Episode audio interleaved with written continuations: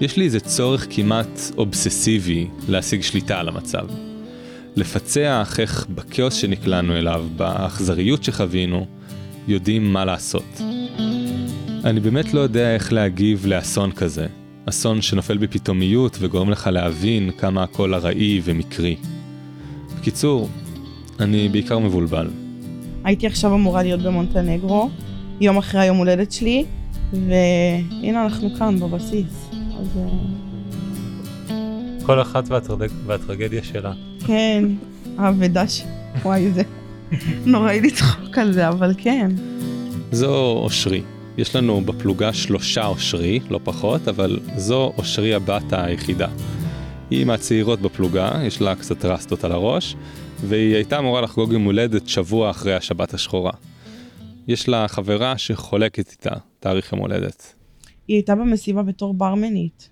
היא הלכה לעבוד שם. אה, כן. וראית אותה באיזה סרטון? אז זהו, שביום שבת, כשהכל התחיל, ממש אה, ראיתי את כל הסרטונים, עברתי איזה 350 סרטונים, והסתכלתי והכל. למזלי לא ראיתי אותה בין הגופות וההרוגים, אבל גם לא אישרו לנו שהיא חטופה, זאת אומרת, לא אמרו למשפחה, היא עדיין נהדרת.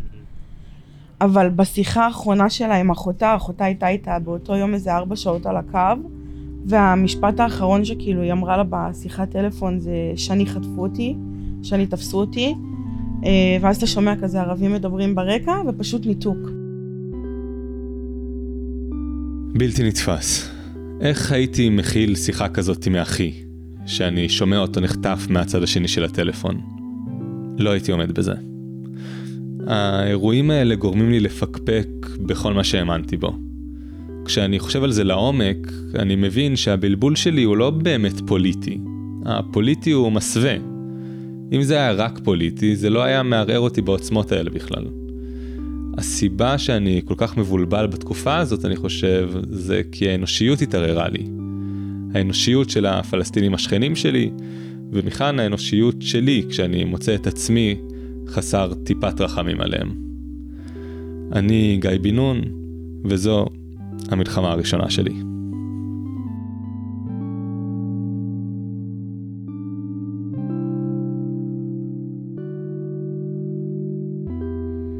ראיתי בחדשות את המחבל הזה שלקח את הטלפון והתקשר לאבא שלו, ראית את הקטע הזה?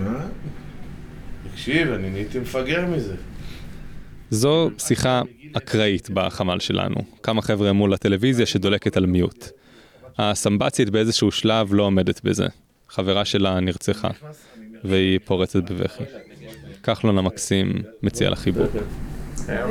אי אפשר, חייבים לשחוט אותם. מה לשחוט אותם?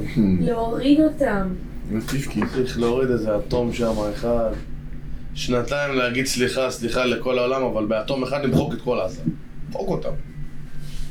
השנאה הזאת מדבקת.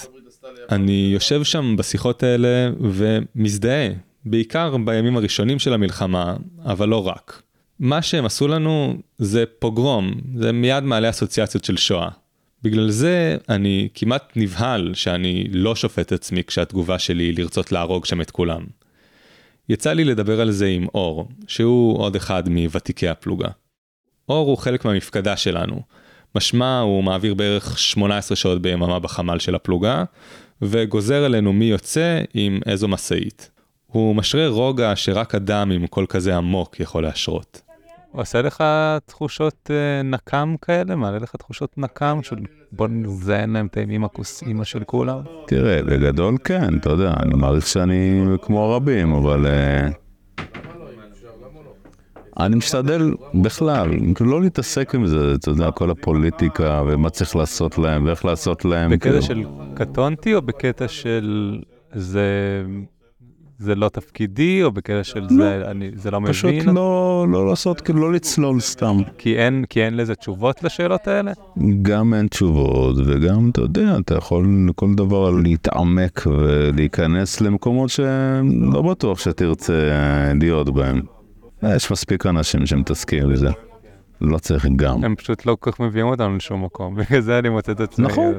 אבל אתה יודע, מה, אני, כאילו, זה לא שיש לי איזושהי השפעה שעכשיו אם אני אז אני לא מתעסק עם זה. אז אתה נדבק להתעסקות כן, ב- בשוטף. עכשיו, במה כן. שאנחנו נמצאים. בשוטף, במה שיש, אתה יודע, במשימות. כן.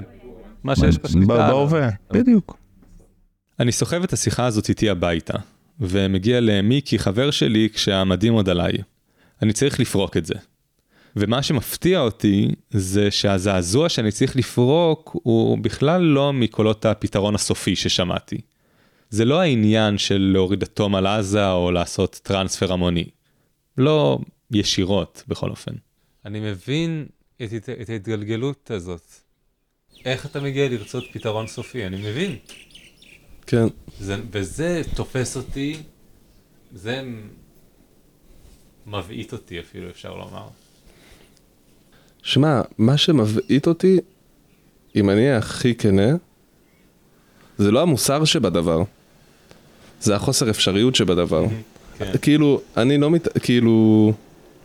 נגיד כשקראתי את העדות של ה... אתה יודע. אז, אז זה נכנס לי למשוואה מאוד פשוטה, כמו של הנאצים, כאילו. של... זה הרגעים של מה לעשות וחייבים אה, לחסל, כאילו. אה, אז אני בטוח שהמוסר זה לא העניין שלי, אני חושב שיותר כאילו, אני מפחד מלהחליט החלטות בתוך אה, שנאה. כי הפתרונות שהוא מציע לא אפשריים. כן, פה הדפק, כאילו. כן. פה הדפק האמיתי. מיקי מדליק עוד סיגריה, הוא מעשן שלוש, ארבע כאלה בשעה, ועובר נושא. או שלא באמת עובר, הוא נזכר בסבא שלו. החדר אפוף עשן. אחד הדברים שהיו ממש מרגשים אצל סבא, שזה מה שאני חושב עליו, שהייתה לו נורא את החוויה הזאת של אה, עברתי את הכי גרוע, והתשובה היא רק לשמוח, כי אני לא יודע מתי זה נגמר. תמיד היה שמח, כאילו. תמיד אם הייתי מדבר על דברים או מתלונן, אז לא היה לו תשובה באמת אה, חכמה לומר. הוא היה צוחק עליי והיה עושה כזה, אוי, מה מלא, בוא תשב, תשמע, תאכל שניצל, בוא נשב, נקשיב למזו. אתה יודע, פותח מזו, לא מזו, מצו, וזה ערוץ מוזיקה קלאסית. זה עיצב אותי בצורה חיובית, כאילו. אבל מה אני כן זוכר? ביום הזיכרון, סבא הולך לישון. הוא מכבה את האור. הוא לא עומד בצפירה, כלום. זה יום ההכחשה של סבא, כאילו. זה יום כזה שהוא, לא היה לו בעיה לדבר על מה שהוא עבר, אבל באופן כללי, אבל באותו יום הוא היה יושב, לא הולך למיטה שלו וממתין שזה ייגמר. פשוט ממתין. ועניין אותי אם- אם השבת השחורה הייתה מסוג התגובות האלה, כי סבא ממש אהב חדשות. מעניין אם זה היה מסוג הרגעים האלה שאתה צופה במה שקורה, והוא היה פשוט הולך לחדר, שוכב וממתין שיגמר. זה שמיקי נזכר בסבא שלו זה לא סתם. אני מרגיש שכולנו מתמודדים עם אובדן תמימות גדול מאז תחילת המלחמה, ומחפשים הדרכה מזקני השבט שיגידו לנו מה לעשות ואיך להתנהג. הקושי הגדול בחיפוש הזה, זה שאני מחפש בו תשובות, אבל מקבל אמירות של אל תחשוב, או בוא נפיל אטום. אני לא רוצה להפיל אטום, ואני לא מסוגל שלא לחשוב. כשזה מה שמציעים לי, אני רוצה להגיב כמו סבא של מיקי, להיכנס לחדר ולחכות שיגמר. מזל שהמילואים מונעים את זה ממני. כל המחשבות האלה עולות לי כשאני שוכב על מיטת שדה. מוקף נוכרים. הבסיס, למרות הנחירות, המיטת שדה, העישון הפסיבי וחוסר המעש, ממחיש לי את החשיבות של הביחד. כמה זה נותן לי, כמה זה מעלה חיוך, כמה זה מעורר אופטימיות. זה מפתיע אותי. זאת אומרת, ידעתי שביחד עושה טוב, אבל גם חשבתי שהמציאות המזוויעה שהופכת את החברה לאלימה, תעשה לי אנטי. זה לא קורה. להפך, כולם מבינים לליבם של כולם. מבינים ומזמרים, כשמעלינו חגים מטוסי קרב. איך זה נקרא השיר? ניחתי לשלום חנוך, אתה מבין? אשכנזים, מה אני... לוקח קצת זמן למצוא שיר שכולם סגורים עליו, אבל בסדר.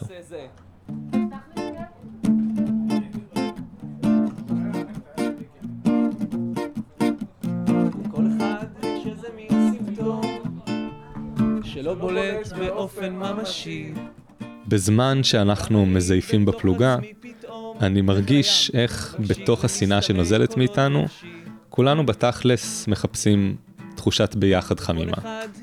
הביחד הזה מוצא את דרכו לעורף, גם אם בצורה קצת אחרת. אתה תופס אותי בצורות מוזרות קצת אה, לפני כמה ימים. זה שאתה בית קפה שאני יושב שם כל הזמן. אני כל הזמן מופיע שם. אם אני אהיה כן אני מופיע שם כי יש שם בנות ממש יפות. אבל במקום ציד אחר בנות, מיקי זיהה שם מישהו שהוא מכיר מהאוניברסיטה.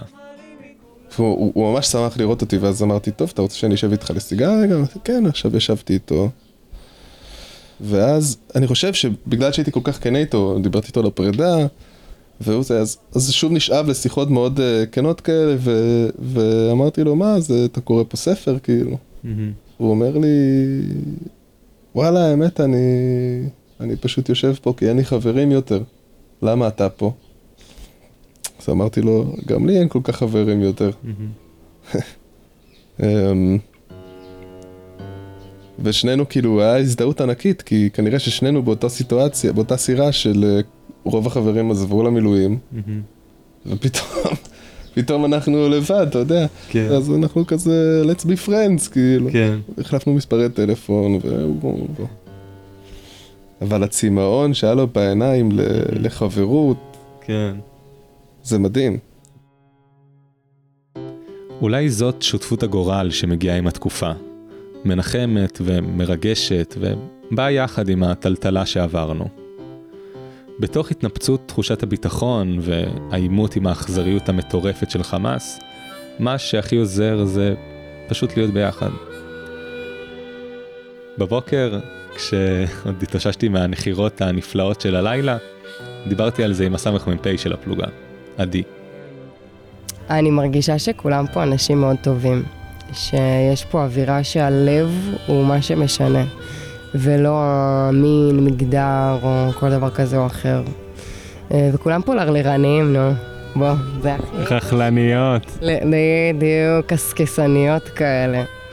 עדי בת 30, אחות ברמות, ותכלס די טוחנת במונחים של הפלוגה שלנו. יוצאת הביתה פעם בשבוע וחצי, שבועיים. יש, אה, אני באמת חושבת שמה שמאוד מניע פה את הפלוגה זה הצחוקים. כן. זה האווירה השמחה, ואני באמת חושבת שתקופה כזאת קשוחה, להעביר אותה בצורה הזאת, זה הדרך הטובה ביותר. כאילו, זה רגע קצת לשכוח, קצת כזה להתעסק בכאן ועכשיו, אה, וגם היו לנו רגעים של בכי קצת.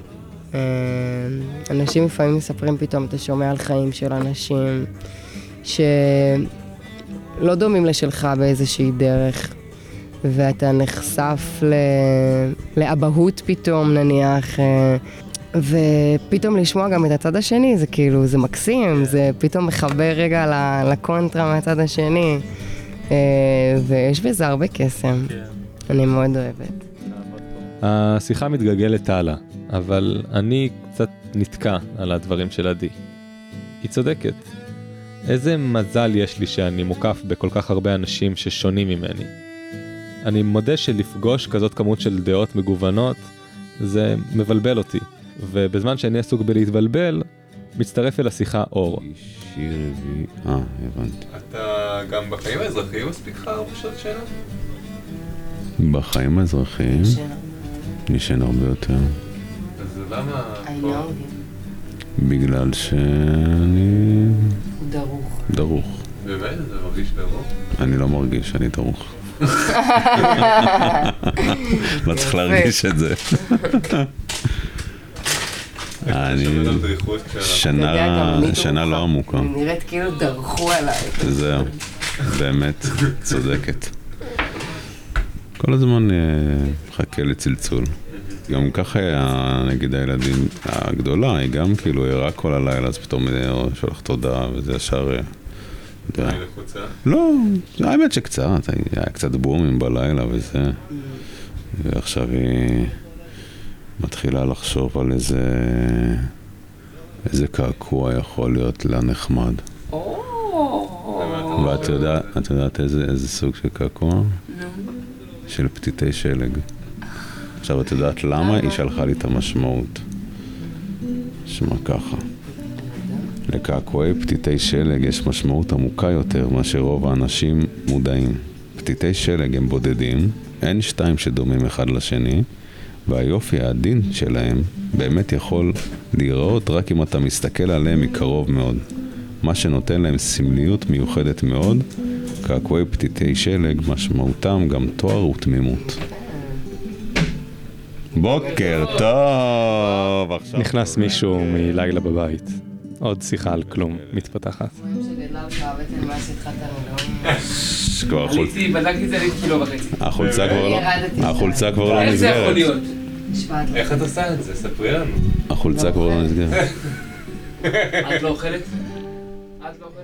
לא, אני לא איזה כיף זה השיחות הסתמיות האלה. איך השמנו, כמה שוקולד טחנו, איזה קעקוע בת ה-14 רוצה לעשות, פטירת השחצים. להקה ישראלית חמש אותיות מתחיל בט'.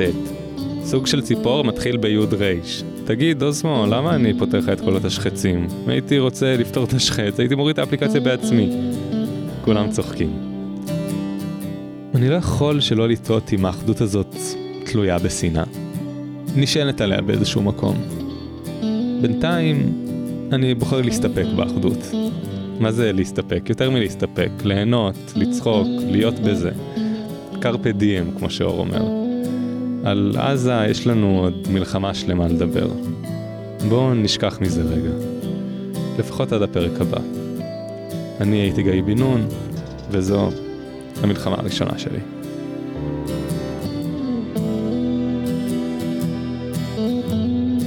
תודה רבה ל"מתחת לרדאר", אתם מוזמנים לעקוב אחריהם באינסטגרם, בטיק טוק ובכל פלטפורמה אחרת. אתם מוזמנים גם ללחוץ פולו על הפודקאסט הזה, לדרג אותו, והכי חשוב, להמליץ עליו לחברים ולחברות. תודה גם למיקי גפל על העריכה ולאורי קאופמן על המוזיקה המקורית. תודה רבה שהאזנתם.